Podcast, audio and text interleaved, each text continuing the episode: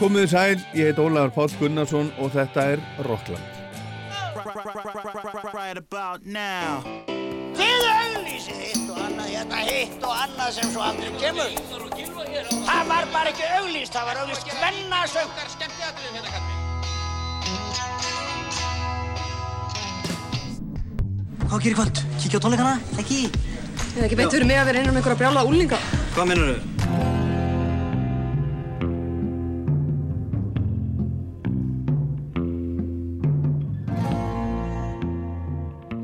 Rocklandi dagsins ætla ég að fjalla um nýju plötunars Bruce Springsteen sem heitir Letter to You og hann gerði með gömlu félagum sínum í E-Street bandinu. Svo kennumst við tónlistamanninum Elvari sem sendi frá sér skemmtilega plötu í fyrra sem fór lítið fyrir en nú bætum við úr því og kennumst Elvari og hans músík og svo koma Sigur Rós, Guðskus og Vög og Karin Ó og Willi Nelson og Elvis Costello til dæmis aðeins við sögum. En Bruce Springsteen hann var að senda frá sér ennina plötuna. Plötunummer 20 í rauðinni og í þetta skiptið er gamla hljómsveitinans gömlu stríðshestarnir með honum í stríðbandi sem hefur fyllt honum meir og minna í næstum halva öld. En í stríðbandi var síðast með brúsa á plötu sem heitir High Hopes og kom út ára 2014 en síðast þegar brúsi sendi frá sér plötu var það Western Stars sem kom í fyrra og þar er hann án í stríðbandsins og stemningin yfir plötunni allt önnur en á nýju plötunni. Allt annar hljóðheimur og þar er hann að segja sögur af tilbúnum karakterum meira og minna á meðan hann er svona frekar personulegri á nýju plötunni sem heitir Letter to You. Hann er að syngja meir um sjálfan sig en ofta áður en Bruce Springsteen er ju alltaf Bruce Springsteen. Við skulum heyra hvernig platan byrjar á lágstemdu lægi sem heitir One Minute You're Here. Big black train coming down the track. Blow your whistle long and long. One minute you're here, next minute you're gone. I lay my penny down on the rails. The summer wind sings its last song. One minute you're here, next minute you're gone. Baby, baby, baby, I'm so alone. Baby, baby, baby, I'm coming home. Autumn carnival on the edge of town. We walk down the midway arm in arm. One minute you're here, next minute you're gone. I thought I knew just who I was and what I'd do, but I was wrong. One minute you're here, next minute you're gone. Red River running along the edge of town. On muddy banks I lay my body down, this body down. Footsteps crackling stars vanish in the sky as black as stone.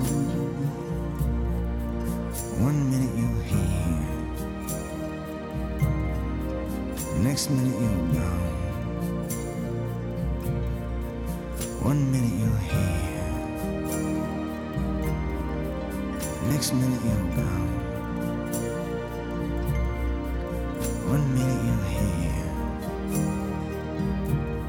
Það er söknuður og treyji í þessu hjónum eina stundina ertu hér og þá næstu ertu farin. Svona byrja nýja platan hjá Bruce Springsteen og svo kemur næst titilægi sem hefur hljóma talsvært hérna á rásinni undanfarið Letter to You.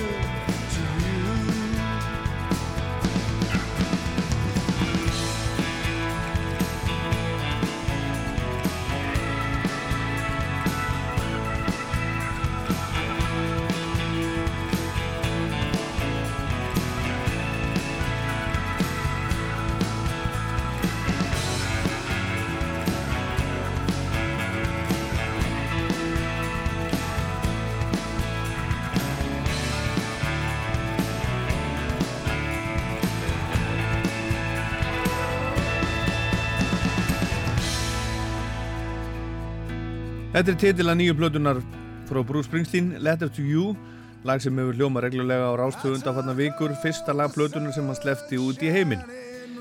Hann skrifar bref og í brefinu eru alls konar tilfinningar, gleði og sorg, sólskinn og regn. Þetta er Springsteen sem hefur talað opinskátt um þunglindi sem hann hefur verið að díla við og hann segir í viðtali sem ég las við hann í vikunni að hann sé ágættur, hann sé á livjum. Nýja platan var tekin upp í, í november í fyrra heima hjá Bruce á búgarðinum hans í Colts Neck í New Jersey í heimastúdíóun hans Bruce sem er svona í starra lægi af heimastúdíói að vera. Hann bókaði í Street bandið í fimm daga fekk þá til sín og ætlaði að taka plötun upp á fimm dögum. Hann gerði ekki demo upptökur eins og, eins og venjan er áður en menn fara og, og, og taka upp plötur. Eða flestir gera að minnstakosti og það var píjónuleikari í Street bandsin sem fatti Bruce til þess að gera eins og þeir gerði í gamla daga hittust bara í stúdíónu, þú kennir okkur lögin og við spilum þau live, sagðan og Bruce ákvaða að fara að ráðum síns gamla félaga. Tók lögin bara upp á síman sinn svo hann, hann myndi þau, svo mætti bandið til hans og þeir byrjaði að taka upp og tóku þessa tónlega plötu upp á fjórum dögum, 50 dagurinn fór bara í að hlusta á plötuna og lagfæra einhver smáadriði Hún var sérst að tekinu upp live, það voru allir að spila saman, allir í einu og söngunum var líka tekinu upp live. Og þetta er eina plata Bruce með í Street bandinu sem hefur verið tekinu upp svona. Og hann er ánæðið með hana og það eru þeir líka kallarnir í bandinu, Stívan Sand, gítarleikar lið til dæmis hafa eftir sér í viðtali að Bruce hafiði hafi ákveðið að treysta bandinu og, og leifa sér að vera hluti á bandinu. Og þetta er Street band plata alla leið. Það eru piano intro, saxofón solo, gargandi orgel og klukkuspill sem mér getur jáfnvel talað um að það væri svona E Street band klísjur á þessari plötu. En Bruce ræðist það ekki í dag, hann segir að hann hafa oft hugsað þannig áður að hann vildi ekki endurtaka sig og oft hefur hann beðið bandið um að skrúa aðeins niður í E Street band soundinu en í þetta skiptið hafa hann verið sáttur við að fara bara alla leið leifa bandinu og njóta sín til fulls.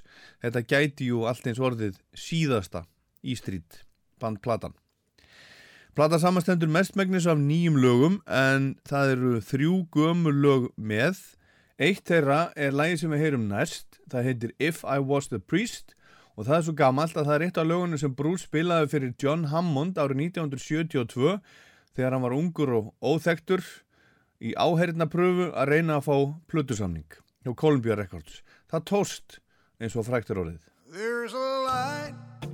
on yonder mountain, and it's calling me to shine. There's a girl over by the water fountain, and she's asking to be mine. And Jesus is standing in the door a buckskin jacket, boots, and spurs so fine. Says we need your son tonight up in Dodge City. Cause there's just too many outlaws trying to work the same line.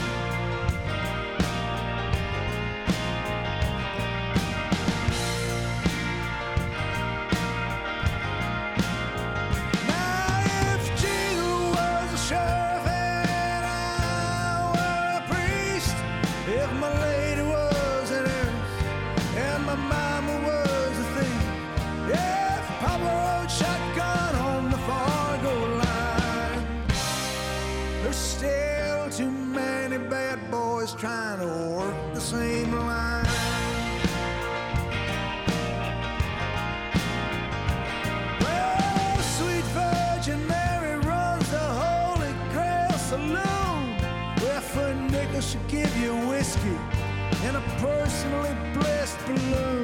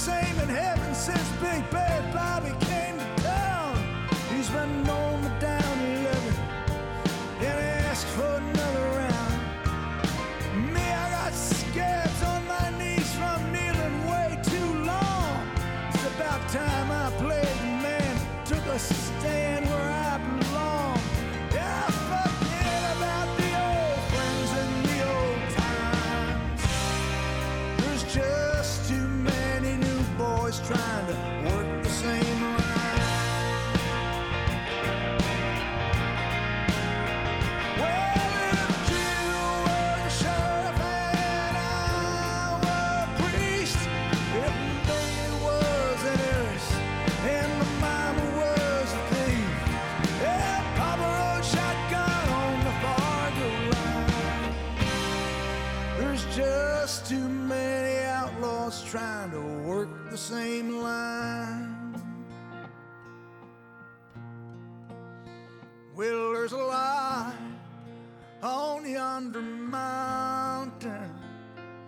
and it's calling me to shine. There's a girl over by the water fountain. She's asking to be mine. Jesus is standing in the doorway, six gun drawn and ready to faint. Said we need you tonight, sun up in Dodge City. Told him I was already overdue for shine. Yeah.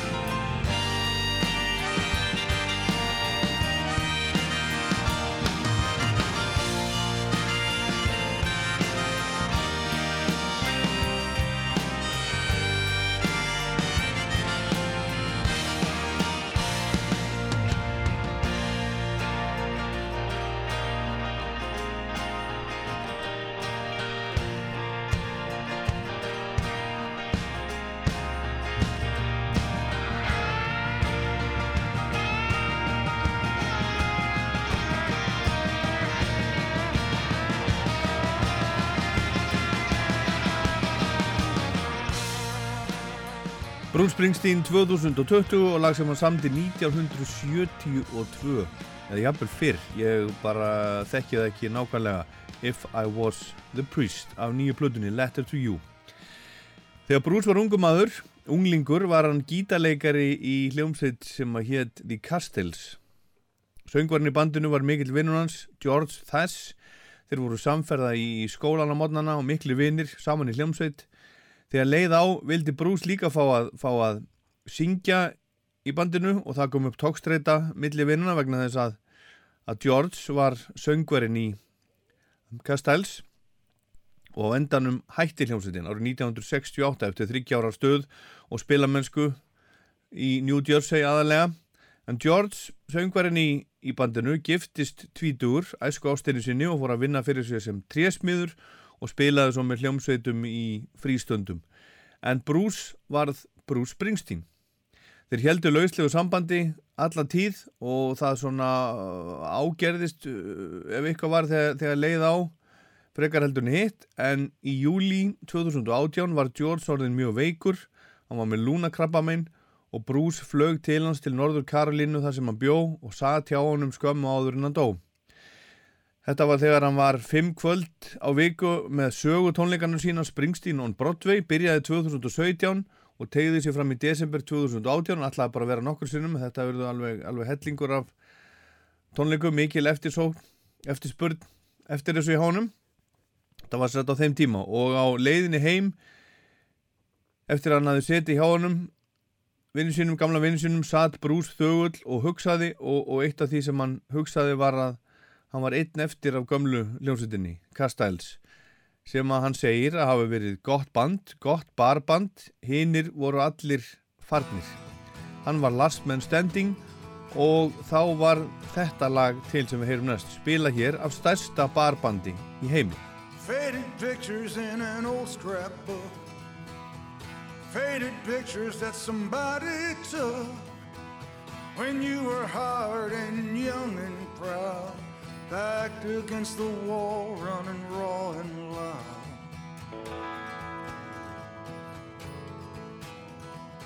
Snakeskin vest and a sharkskin suit.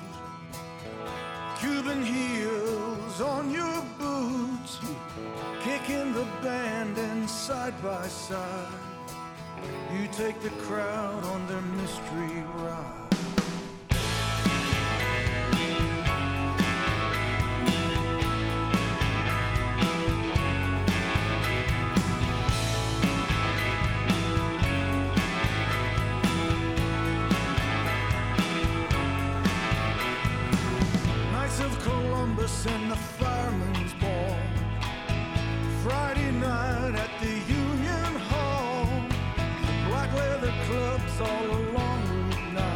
counting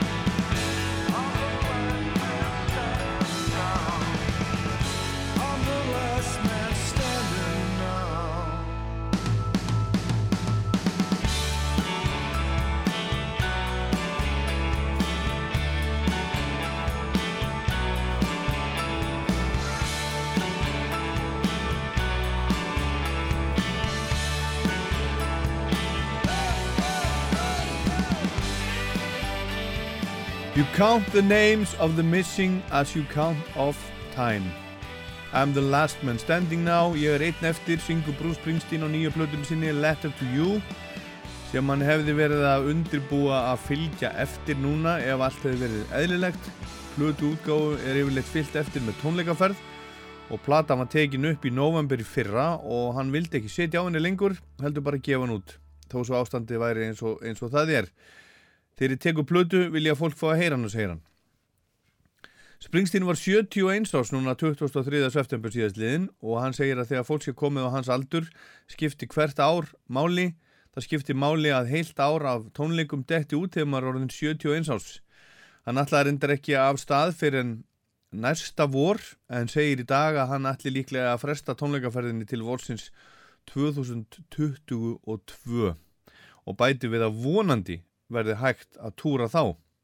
Þegar maður er ánum 70 ár veit maður að það er ekki endalus tími eftir til að spila fyrir fólk en bandið er frábært og í topp spilaformi og ég er sjálfur fullur af orku og er tilbúin í hvað sem er segi brús og það er erfitt að fá ekki að gera það sem hefur verið svo stór hluti af lífi mínu síðan ég var 16 ára gamall.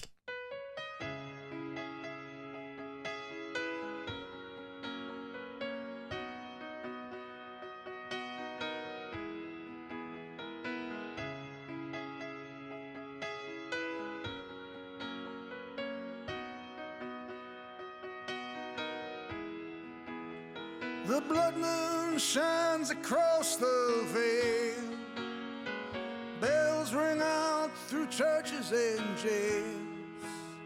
I tally my wounds and count the scars. Here in the house of a thousand guitars, the criminal clown has stolen the throne.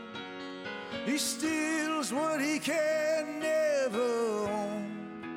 May the truth ring out from every small town bar. Light up the house of a thousand guitars.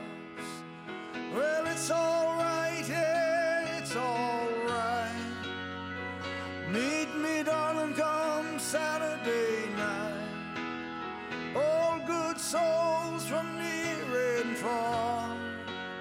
We'll meet in the house of a thousand guitars.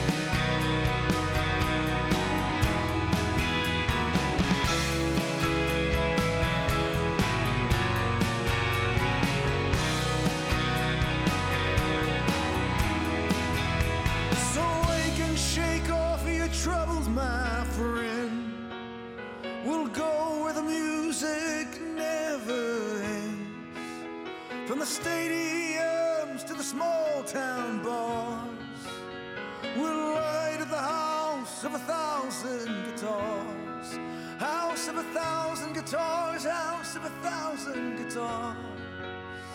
Brother and sister, wherever you are, we'll rise together till we fire the spark that light up the house of a thousand guitars.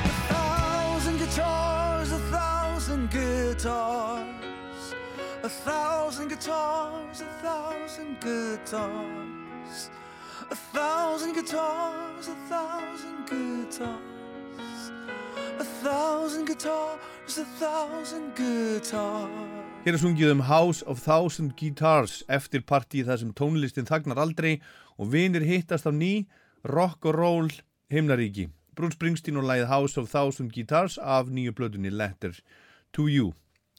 Bruce byrjaði að semja lögin á þessa blötu í fyrra og þá hafði hann ekki sami neitt fyrir Ístrít bandið í 6-7 ár.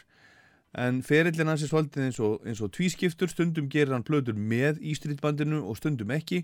Og síðasta plata, hinn stórfína Western Stars er til dæmis án bandsins eins og ég saði á hann. Eftir því sem að maður eldist þá tapa maður vinum sínum og fjölskyldu og það er skarð í Ístrít bandinu, orgelleikarin Danny Federici lést árið 2008 og saxofónleikarin Stóri og mikli vinur Bruce Clarence Clemons, hann lést 2011 og svo var það dauði vinar hans úr gamla bandinu Castells, George Thies sem ég myndist á áðan sem var til þess að, að neistin kviknaði að það fór að koma lög sem hún fannst að væri tilvalin fyrir Ístýðbandið og það gerðist þannig að eftir eina tónleikana á Broadway í hitti fyrra var ítalskur strákur aðdáandi sem að, sem að hitti Bruce bak við leikúsi þegar hann var að fara út eftir að hann var búin að spila. Og hann rétt honum gítar, gaf honum gítar. Bruce þakkaði vel fyrir sig og tók gítarinn með sér í bílinn sinn. Hann hafði aldrei séð gítar frá þessu fyrirtæki áður en, en hann fóð með þér heim og var með henn í stofinu sinni í marga mánuðu áður en hann tók hann upp og prófaði að spila hann. Og svo gerði hann það í april í fyrra eftir að hann fór og kvatti sín gamla félaga George Thies og þá fóru lögin að koma eins og hann hefði hitt bara á, á gullæð Bruce og nýji gítarinn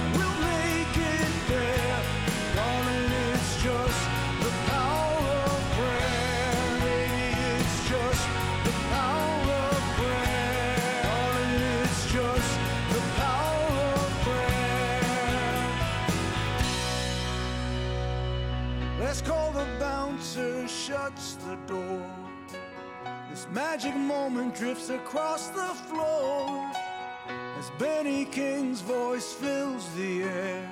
Baby, that's the power of prayer.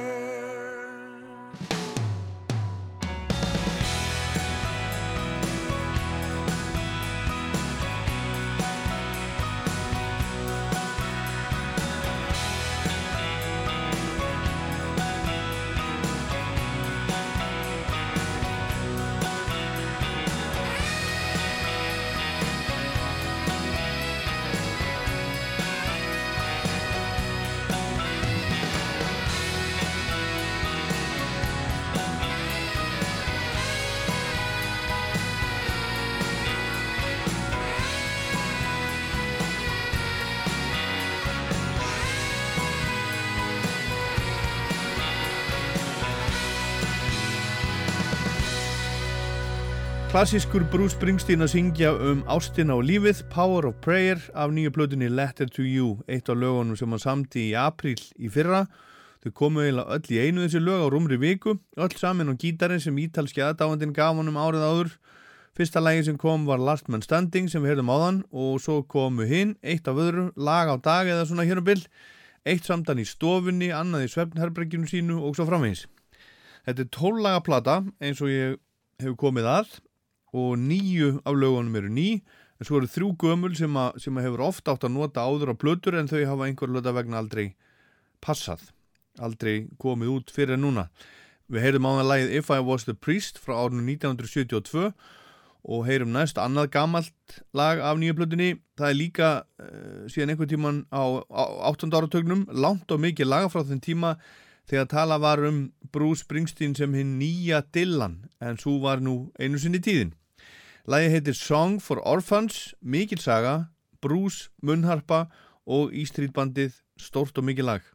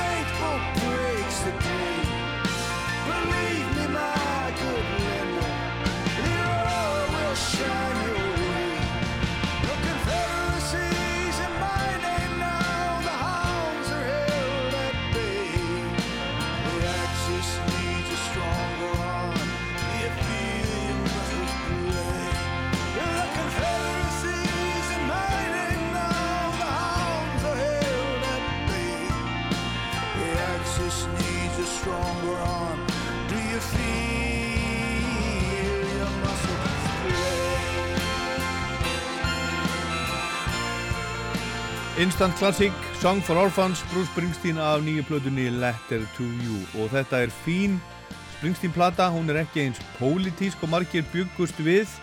Það áttu margir vona á að Donald Trump fengi svona talsvert að heyra það á þessari plötu sem kemur út á já, rétt fyrir fósettakostningar í bandrækjónum en, en Bruce segist ekki að hafa nefnt að gera svona leiðinlega plötu En Springsteen hefur sendt mörgum fósettum tónin í gegnum tíðina og er langt í frá skoðanalaus og talsvert pólitískur í tónlistinni sinni.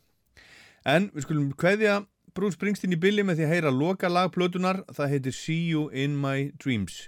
Ég hugsa til þín, vinnur minn, dauðin er ekki endirinn, ég sé þig í draumum mínum. The road is long and swimming without end.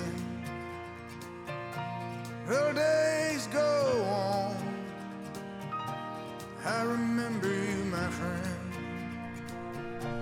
And though you're gone, and my heart's been emptied, it seems, I'll see you in my dreams. I got the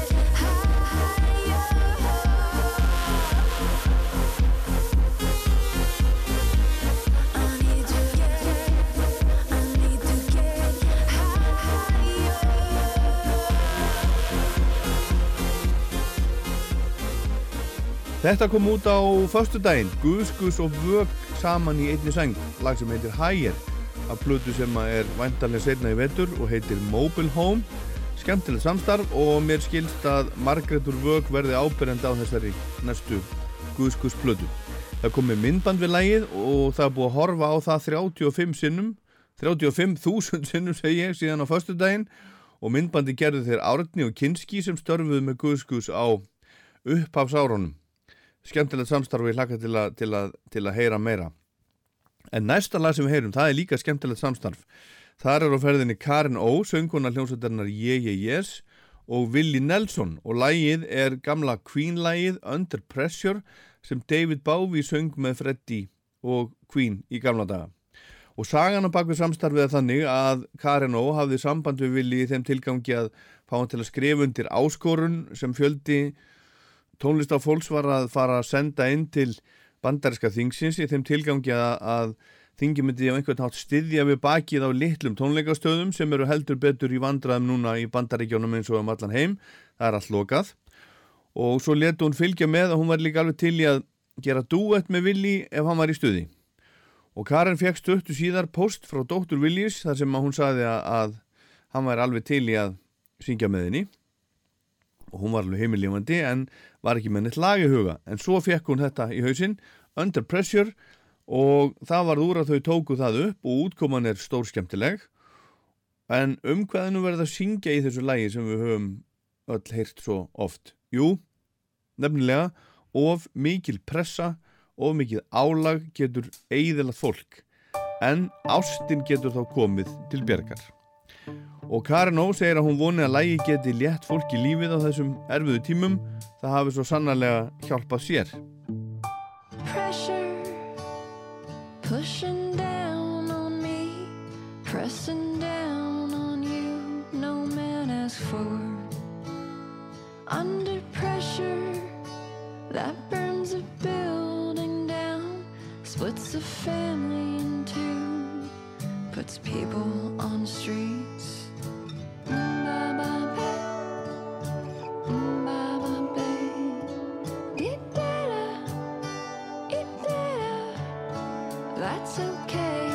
terror of knowing what the world is about.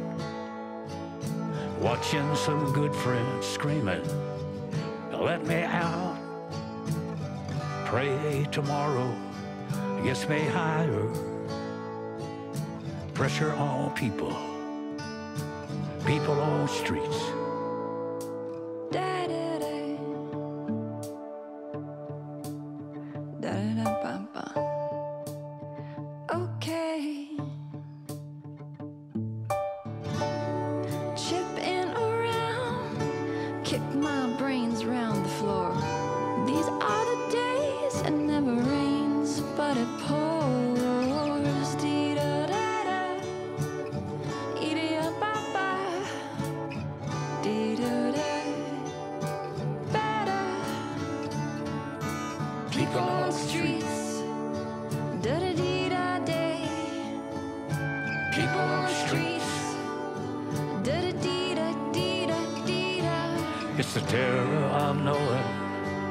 What the world is about. Watching some good friends screaming, let me out. Pray tomorrow, gets me higher, higher, higher.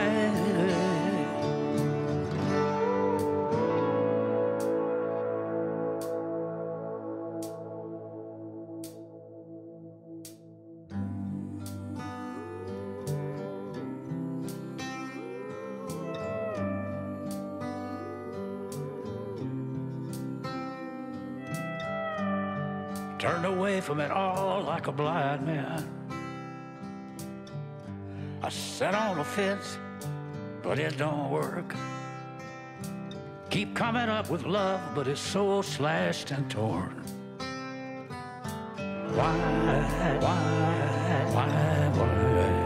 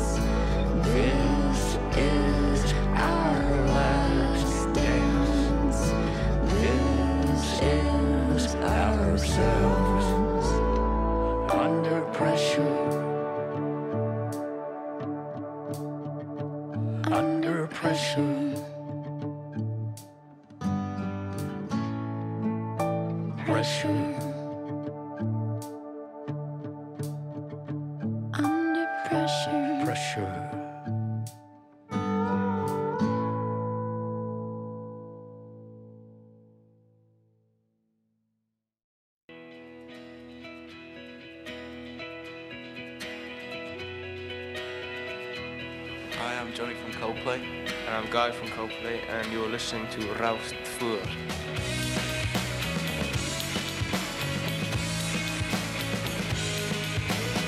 Já, þetta er Rockland á Rástfjög, ég heit Ólaður Páll og hann kallar sig Elvar. Hann heitir Elvar og hann er Hjörleifsson og hann Elvar gaf út fína plötu í fyrra sem ekki hefur farið mikið fyrir. Rindar afskaplega lítið, við höfum verið að spila lag af plötunni reglulega hérna á rásinni núna undanfari sem heitir Gone for Good. Stórfínt lag af fínni plötu. Hann heitir Daydreaming platan. Skulum heyra Gone for Good og svo heyrum við í Elvari sjálfum hérna á eittir. Bring all the promises I never meant to keep. Make believe good enough today. I must leave. I'm gone for good. I'm gone for good. I'm gone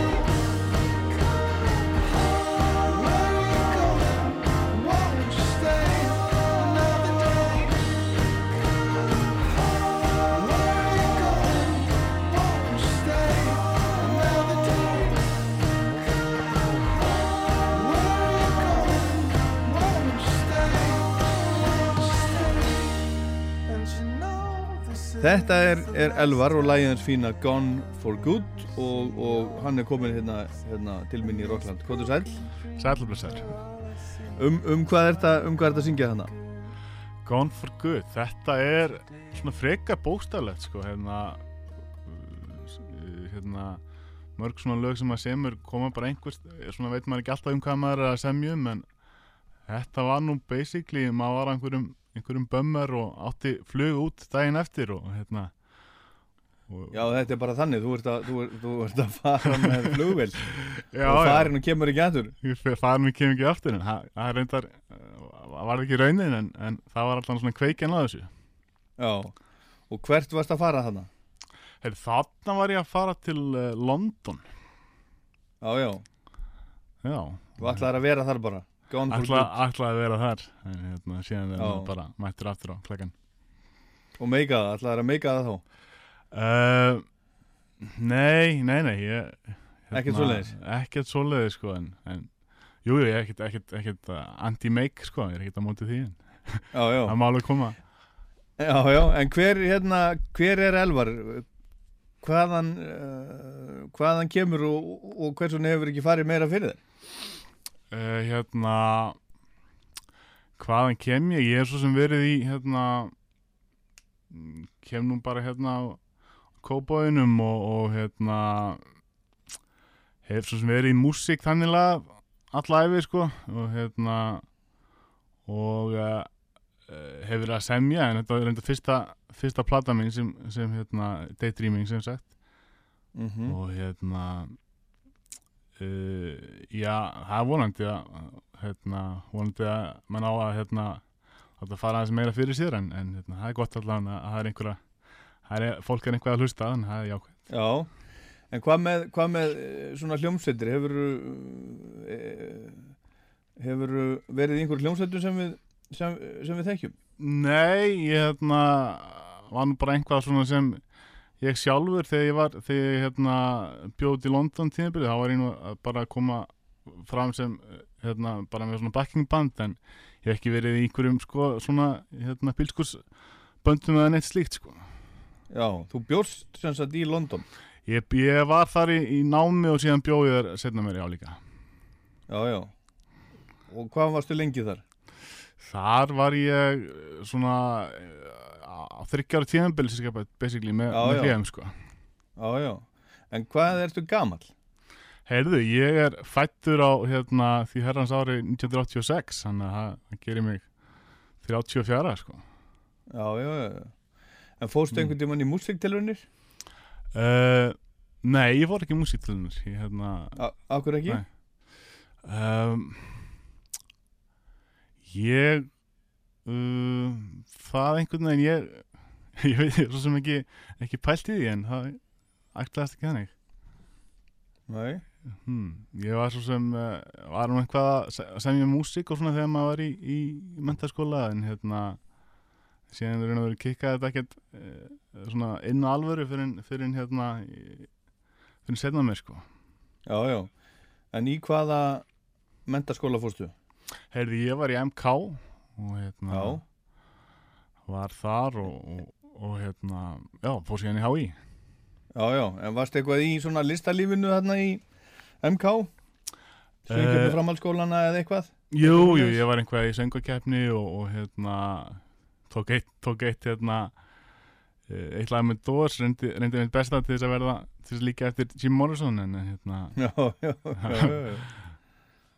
That's about it, sko Já, herðu, við skulum heyra meiri músík, við skulum heyra næst uppháslag blödunar, Skyscraper Hvað er að gerast þar?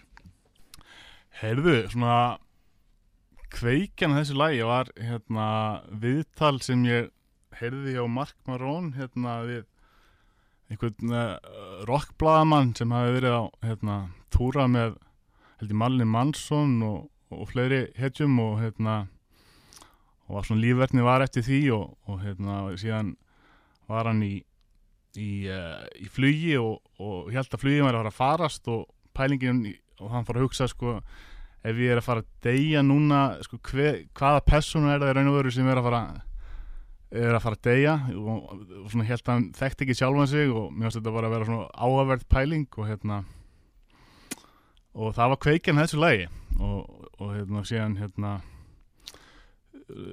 náðu við sem sagt ég og Pétur að búa til svona dálítið opinn svona, svona opnast með opinn skemmtilegan hljóðheim finnst mér allavega. Það byrjaði hérna með einhverju glockenspíl og, og hérna og svona uh, já, þannig að mér varst mikilvægt að, að plata myndi byrja á svona uh, dálítið sinimendísku lagi. Mm Pétur Ben, hann var, hann var þetta með þér. Já. Herru, við skulum heyra Skyscraper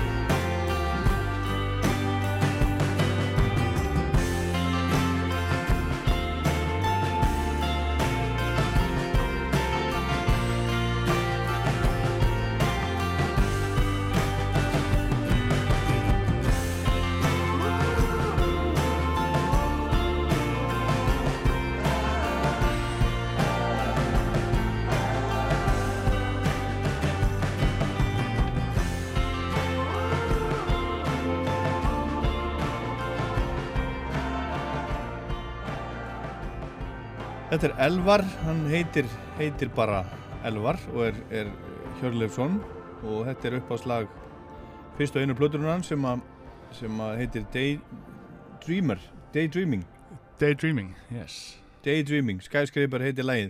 Og þú varst að tala um, um Mark Maron, ertu búin að hlu- hlusta mikið á hann? Já, ég er alveg töluvert sko. Skemmtilegu karakter. Já, virkilega Virkilega góð og, og fyrir þá sem ekki þekkja Mark Maron þá var hann hann er leikari, bandarísku leikari og, og grínisti sem er með, er með frábært podcast sem heitir What the Fuck. Og það eru fá podcast sem ég hef hlustað á meira heldur en hann, ég er ábyggilega búin að hlusta á hundra þætti með honum eða eitthvað slis, en þú? Já, öruglega sko. Það er alveg, er breytna mínum upp á alls Búin að hlusta á hann tala við Paul McCartney og Barack Obama og Roger Waters og Neil Young og, og talandi um Roger Waters það, það er svolítið, ég þykist heyra svolítið Pink Floyd í þessu hjá þér.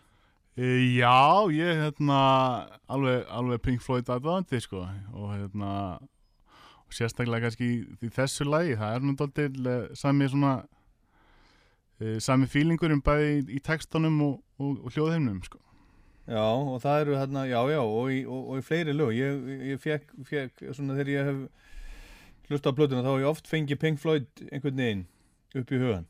Já, takk fyrir það Er það, er það eitthvað sem þú hefur hlustað mikið á? Já, ég er alveg, alveg töluvert sko Já, en hvað með, hvað með aðra áhrif á valda?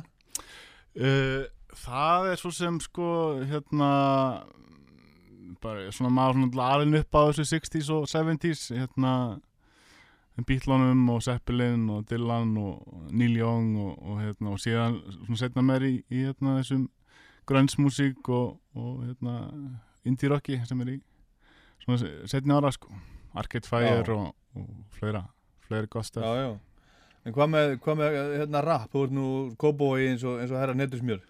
Já uh, Já, það er kannski ekki sterk það er ekki mikið, það er ekki mikið rapp á þessari plötu en, jú veist, maður reynir að hlusta á svona á, á hérna uh, svona þessi, stóru plötur sem eru að koma út bara náttúrulega að reyna að vera reyna að vera aðeins körrent, sko Já, já. En hérna, þetta er fyrst og eina, eina plataðinn og, og, og þú ert með, þú ert með topp mannskap hérna, hérna með þér. Pétur Ben, hann er þín, þín hægri hönd hérna. Já, Hvernig gerðist það? Heyrðu, ég hérna var einu og verið bara komin með, með efni í, í hérna í plötu og, og vantaði einhvern vantaði einhvern hérna, va- vanan einstakling með mér og, og hérna hann kom strax upp í hugan og, og hérna ég sendi honum bara demo og við hittumst og, og síðan bara ákvaðum að kýla það Já. og hann er hérna pródúserar sem sagt plötuna og, og spilar á, á hérna alveg hellinga hellinga hljófarim sko. En þú ert, þú ert gítarmaður, þú ert, þú ert, þú ert gítarleikari, semur á gítar. Já, ég mig eiginlega alltaf gítar svona einhvað smá á, á piano en, en hérna já, hérna eh, sem sagt, eh, það er svona helsta helsta hljófarið hjá mér sko, bæði rafmaks og gítar ra, rafmaks og sem er En þessi plata, hún hefur, hún hefur svolítið farið svona, uh, ég hef ekki, uh, einhvern veginn fór lítið, uh, lítið fyrir henni, ég, ég kynntist henni rauninni bara fyrir, fyrir tilviljun og þú hefur ekkert verið að, þú hefur ekkert verið að fylgja þessu eftir, þú hefur ekkert verið að spila live eða. Ég hef ekki verið að spila hérna plötuna live, nei. Það er einhvað sem ég langar að langar að gera þegar hérna í framtíðinni sko. Já, það er erfitt núna, það er, það er, lítið, það er lítið verið að spila þessa Já, dagana. það er fá kikki í gangi í dag ha. Já. En hvað, en hvað svona, uh, hvað sér, sérðu fyrir þér? Hvað langaði að gera? Hver, hver stefnur með þetta? Já, ég er hérna er að uh, bara að hérna, semja semja meira meira efni og reyna að hérna, uh, reyna að púsla saman efni í, í, í nýja plötu Já, já. Re- reyna, reyna hérna, móta svona, eh, svona pröfum áfram í mismundi stílum sko og og uh, það er nú verið bara að, að hérna, halda áfram að skapa músík og, og reyna að koma á framfæri sko. Já, ég sé á tölunum á Spotify að það er búið að hlusta svolítið, svolítið á þetta þó að þetta hafi, hafi flogið svona, svona látt. Er, er, þetta, er þetta hlustun þá frá útlöndum heldur eða? Já, ég komist á einhverja svona Spotify Spotify lista og fengi einhverja svona umfjöllun á einhverjum bloggum og, og svoleiðis þannig að hérna ja, svo að það er búin að já, mikið úti og ein, einhver einn heima. Já. Herðu, við skulum heyra næst lag sem að heitir, heitir Runaway Heart. Hvað, hvað getur þú sagt okkur um það?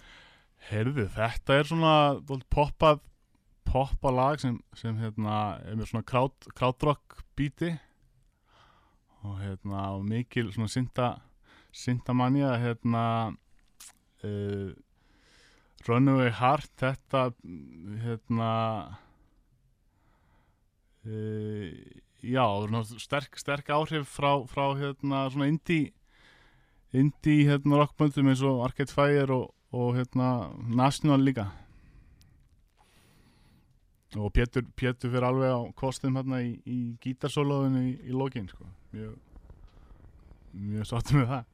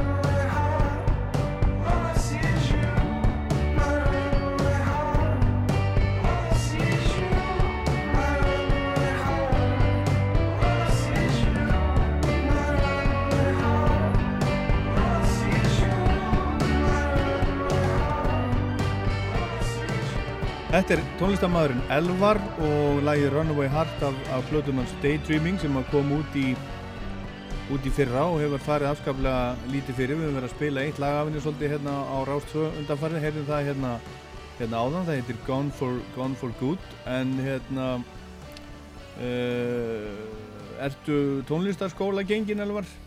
Lærður á gítar eða söng eða eitthvað svoleiðis? Já, ég hérna, ég byrjaði nú bara, held ég, á þryggjára eða eitthvað, þá byrjaði ég á hérna, á nú, í, hérna, Þriggja ára? Já, þá fór ég, fór ég hérna, Suzuki skólan og, og var þar á fiðlunni og, og hérna, fór síðan yfir í klassískan gítar, hvað, einhvað, já, hvað 13 ára eða eitthvað svoleiðis í FIH. Já, já. Þannig að maður, maður er búin að læra varst, eitthvað, sko. varst að læ- læra, læra á fiðlu þá, þá öll þessi tíu ára þetta milli? Já, ég, hérna... Já, er það? Já, já, já. Þannig að þú hlýtur þá að vera vera einhver fiðluleikari?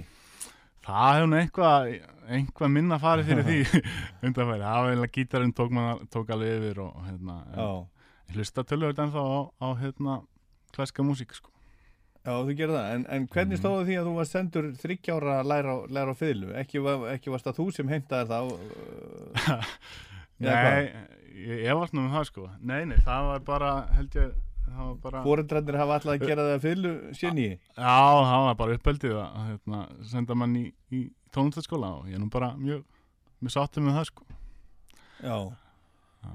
Og hvað, ertu með einhver svona, svona stikkspróf og svo leiðis? Sko, mér minnir allavega þegar, þegar ég var nú í, í þylunni þá, þá voru ekkert stigsprófi í Suzuki hérna, þannig að Já, ég já. Ekki meint einasta stig maður kláraði bara einhverja bækur og fór í, fór í næsta bók Já, já, já. Þannig að þú lest nótur og... Já, ger það. Já, skrifar lögin, Skri, sem, sagt, se, semur þú þannig eða... Nei, nei, nei, ég bara tekið þetta upp á iPhone-in, demóin og síðan Já, já. reyna, tekið það upp í Logic og vinna áfram þannig, sko. Já. Við skulum heyra næst lagið sem að heitir One of a Kind. Hvað getur þú sagt okkur um það? Heyrðu, þetta er svona uh, svona rólegt uh, í rólegri kantinum hérna þetta var einhvern veginn sko pælingin í þessu var var, var svona einhvern veginn einsemdin sem maður upp, upp, upplifur stundum á uh, á jammunu þegar maður kannski fennir í bæ og maður sér hafsjó af fólki og, og hérna það er einhvern veginn allir að reyna að vera í, stuði og reyna að vera í feeling og, og en samt sem geta verið desperate að leita að ástinni sko, það var basically kveikjan á þessu og, og hérna því ég var að hlusta mikið á Elliot Smith á, hérna þegar ég samtið þetta og það er einhver einhver Elliot Smith áhrif í, í þessu lagi til ég halda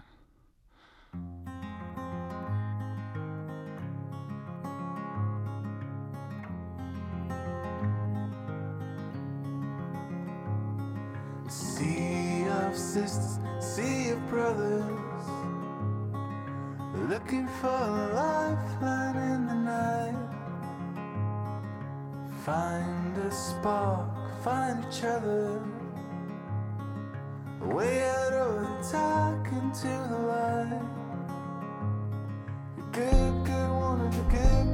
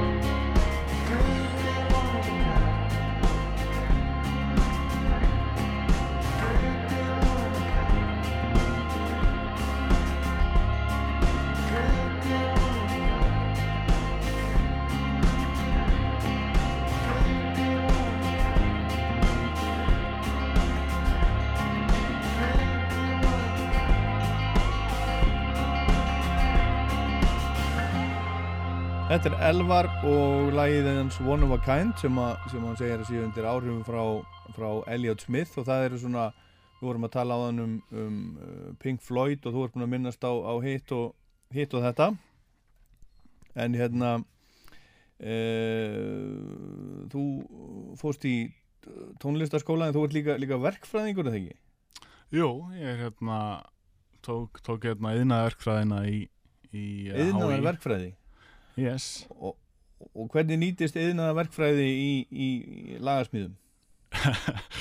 Eh, Það er stór spurning Ég, ég held að hérna, ég veit það ekki svo sem ég, verkfræði er basically að hérna, hvernig maður á að kennir manni hvernig maður er að vinna eitthvað verk þannig að vonandi nýtist að mann eitthvað í upptökum en, en hérna ég held að það sé ekkit, ekkit mikil, mikil tengingan á milli sko.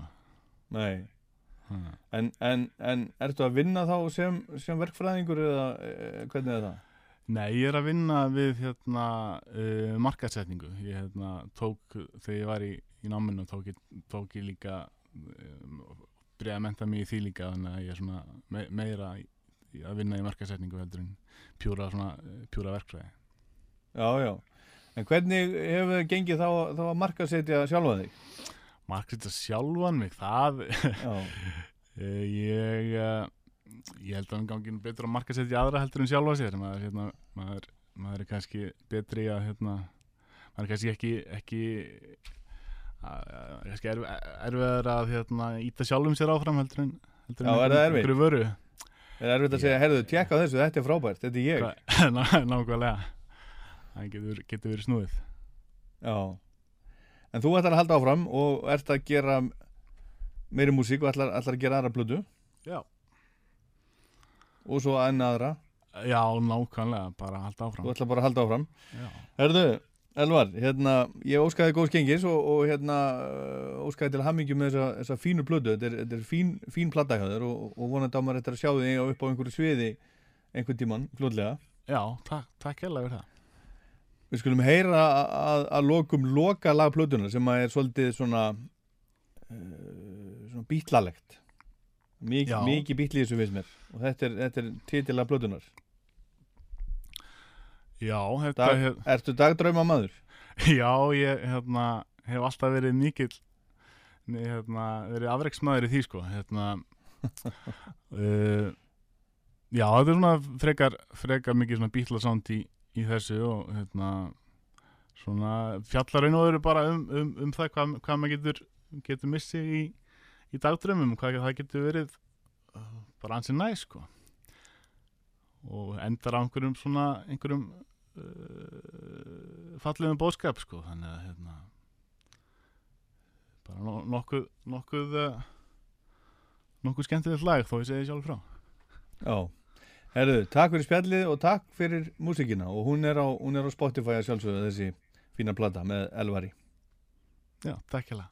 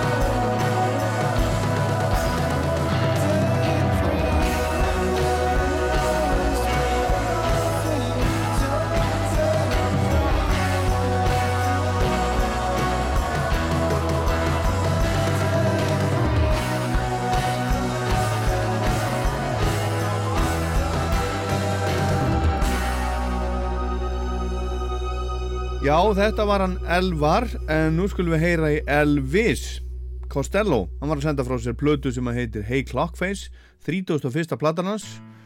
Uh, og við ætlum að heyra laga af henni sem að heitir They're Not Laughing At Me Now. Platan kom út bara núna á föstudaginn.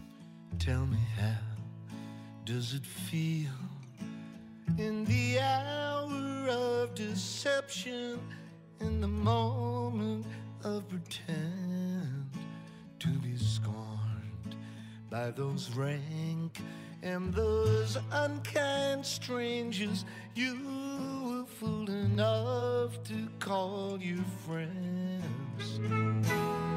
Will you say as the curtain descends?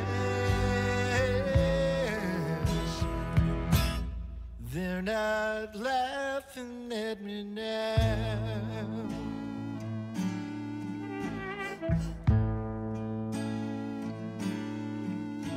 When the last of the garlands and laurel crowns and fine bouquets have all been swept away. You were lost in the smoke screens of cavalcades and accolades instead of traders pay. Find the courage to say they're not laughing at me now?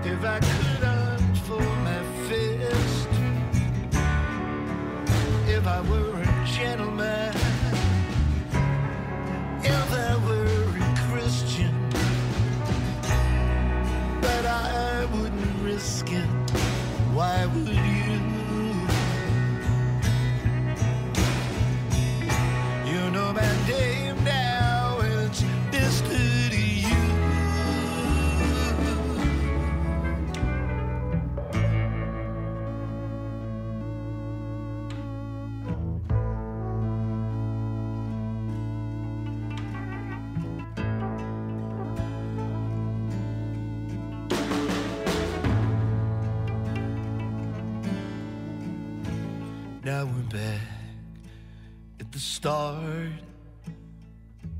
No forgiveness in your heart.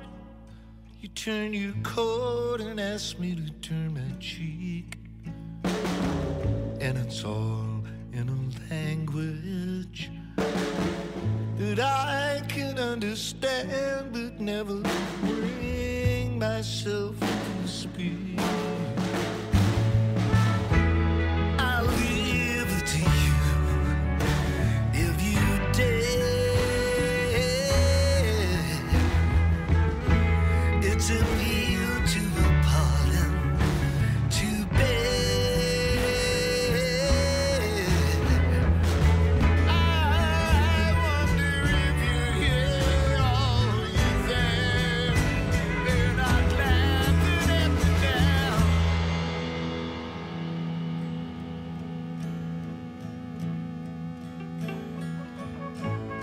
Not laughing at me now.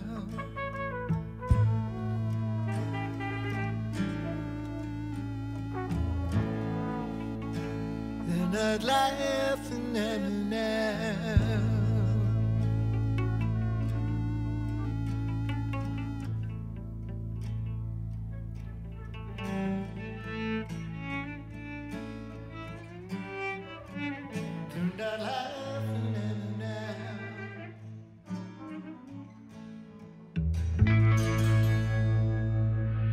Elvis Costello og They're Not Laughing At Me Now af nýri blödu sem að heitir Hey Clockface kom út á förstu daginn.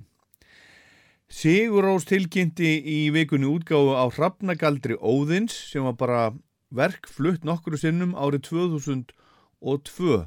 Þetta er að koma út núna sem sagt á blödu. Tónverkið var meðal annars flutt af kammerkórnum skólakantórum og Orchestre de Lorette du Conservative National de Paris afsækið framburðin. Platan kemur út 4. desember á vegum krungútgáunar í gegnum Warner Classics en í vikunni kom út eitt lag úr verkinu sem við ætlum að eh, loka Rocklandinu á í dag. Þetta er dvergmál. En Hrafnagaldur Óðins var samstagsverkefni Sigur Rósar og tónskáldsins og allsverja góðans Hilmars Arnars Hilmarssonar á samt Steindor Andersen sem er eitt virtasti kvæðamaður Íslands. Útsetningar fyrir kór og symfóniljónsett voru að mestu í höndum Kjartan Sveinssonar sem að þá var meðlumur í Sigur Rós og Maríu Huldar Markan Sigfúsdóttur. Steinharpan eftir listamanni Pál Guðmundsson Pál í húsafelli, hún gegnir þarna líka líki hlutverki en verki var til út frá áhuga Hilmas Arnar á kabla úr eddukvæðunum sem ber heitið Hrafnagaldur Óðins. En Hilmar hafði lengi heitlast af þessu tiltekna kvæði það drefu napsitt af Hrafnum Óðins sem að flugu út um allan heim komið tilbaka að kvöldi og færði honum upplýsingar Teksti kvæðisins fjallar um mikla veistlu sem haldin var af guðunum í Valhöll. Á meðan á veistluhöldunum stendur eru blíkur á lofti úti fyrir sem geta táknað endalok guða og manna. Árið 1867 var álitið að kvæði væri tilbúningu frá 17. öld en árið 2002 þá staðfestu fræðimenn það aftur sem ofinbera viðbútt við ettu kvæði frá 14. öld. Samkvæmt Hilmari er hægt að tólka hrafnagaldróðins á ymsavegu. Það má finna mikið af tákmyndum og afleiðingum sem kveikja í ímyndanarblinu. Þetta er mjög sjónrænt kvæði þar sem allt er að hruni komið og heimurinn er að frjósa frá norðri til söðurs. Þannig verður það að vara við ragnarökum. Ef til vill var það eitthvað sem að fólk þess tíma fann á sér. Í dag eru umhverfisvandamál í sambandi við virkjanir og eigðileggingu hálendisins að sjálfsögðu mikið í brennidepli. Það er verið að vara okkur aftur við, segir í frettatilkynningu. Hrafnagaldur Óðins var samið að beðni listaháttíðar árið 2002 og var bara flutt nokkrum sinnum það sama ár. En þessi 70 mínútna heldarútgáfa sem er að koma út var tekin upp þegar verkið var flutt í La Grande Hall de la Villette í París þarna 2002 og svona endur við Rocklandi í dag á þessu, þessum kabla úr þessu stóra verki, dvergmál en ég minni á Rockland á netinum, á rú.is í spilaranum, hlaðvarp á iTunes og Spotify til dæmis og svo minni á Rockland mæli með lagalistan á Spotify sem ég uppfæri í byrjun hvers mánadar. En þetta var Rockland, ég er Dólaður Páll, takk fyrir að hlusta.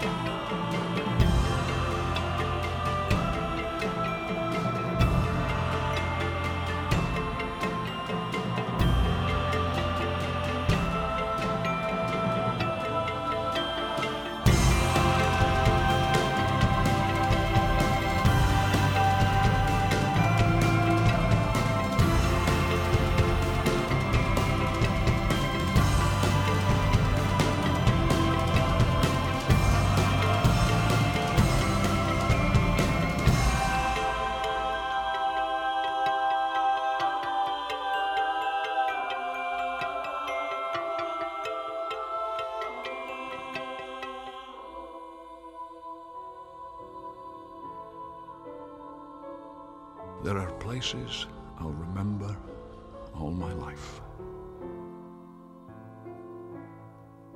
Though some have changed, some forever, not for better.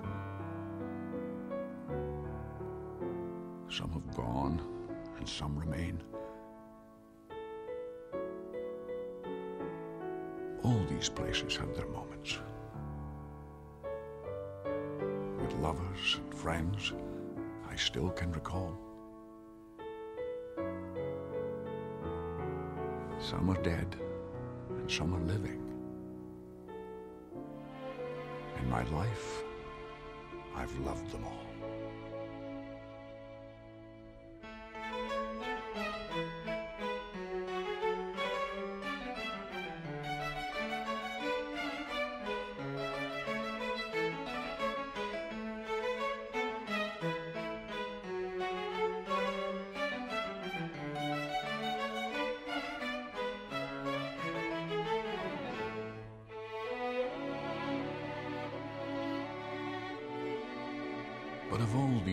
Friends and lovers, there is no one compares with you. And these memories lose their meaning when I think of love as something new. Though I know I'll never lose affection for people and things that went before.